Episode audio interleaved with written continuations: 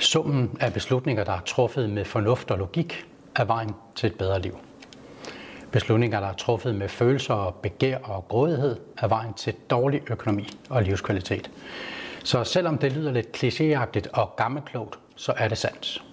Så åbn dine øjne, pak din fordomme og naive forestillinger om ægteskab væk, og lad din logik træffe de vigtige beslutninger.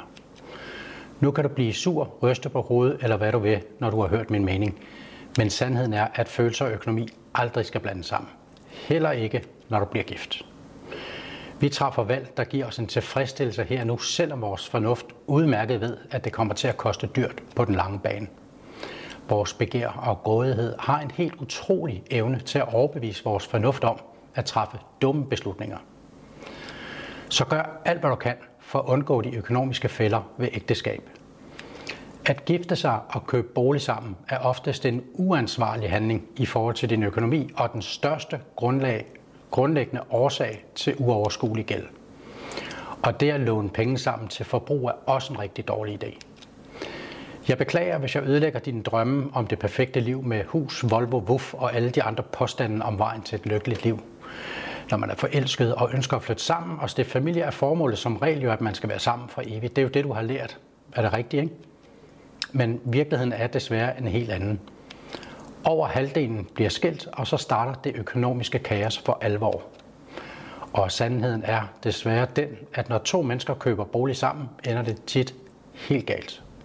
Over halvdelen af de mennesker, som jeg rådgiver, sad i stor gæld på grund af boligkøb med en tidligere ægtefælle eller partner.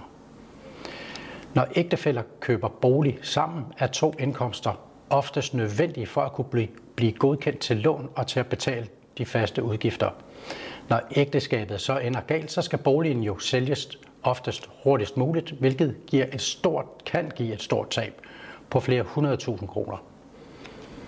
Så hvor længe vil det tage dig at blive gældfri med en gæld på, lad os sige for eksempel 300.000? Bare renterne kan være uoverskuelige. Rentetilskrivning på sådan et lån kan være flere tusind kroner om måneden. Så hvornår vil du så blive gældfri? Når du har fundet den eneste ene og vil giftes, så gå, vil giftes, så gå ud fra, at det går galt på et tidspunkt. Det er det eneste rigtige udgangspunkt set med økonomiske briller. Altså, du kan sammenligne det med at købe en forsikring. Altså, du går jo heller ikke ud fra, at du kommer ud for en alvorlig ulykke og bliver invalid, vel?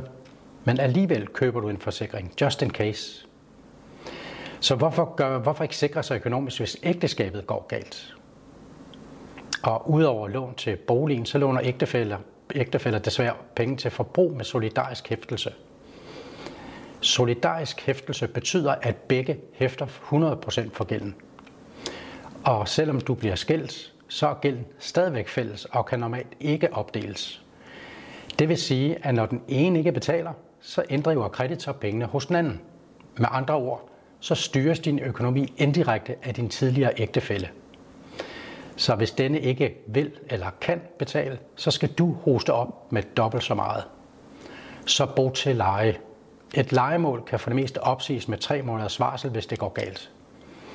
Hvis jeres drøm er at købe egen bolig, så spar minimum 20% op, altså udbetalingen til boligen, inden I køber. Det tager noget tid at spare 20% op, og i mellemtiden så kan I jo teste jeres parforhold og hvordan det er at bo sammen, inden I kaster jer ud i et boligkøb. Så er risikoen for at tabe penge minimal, når I bliver skilt og boligen skal sælges hurtigt. Det var, hvad jeg havde til dig i den her omgang. Abonner på kanalen og få besked, når jeg lægger flere indlæg op. Tak for din opmærksomhed og have en dejlig dag.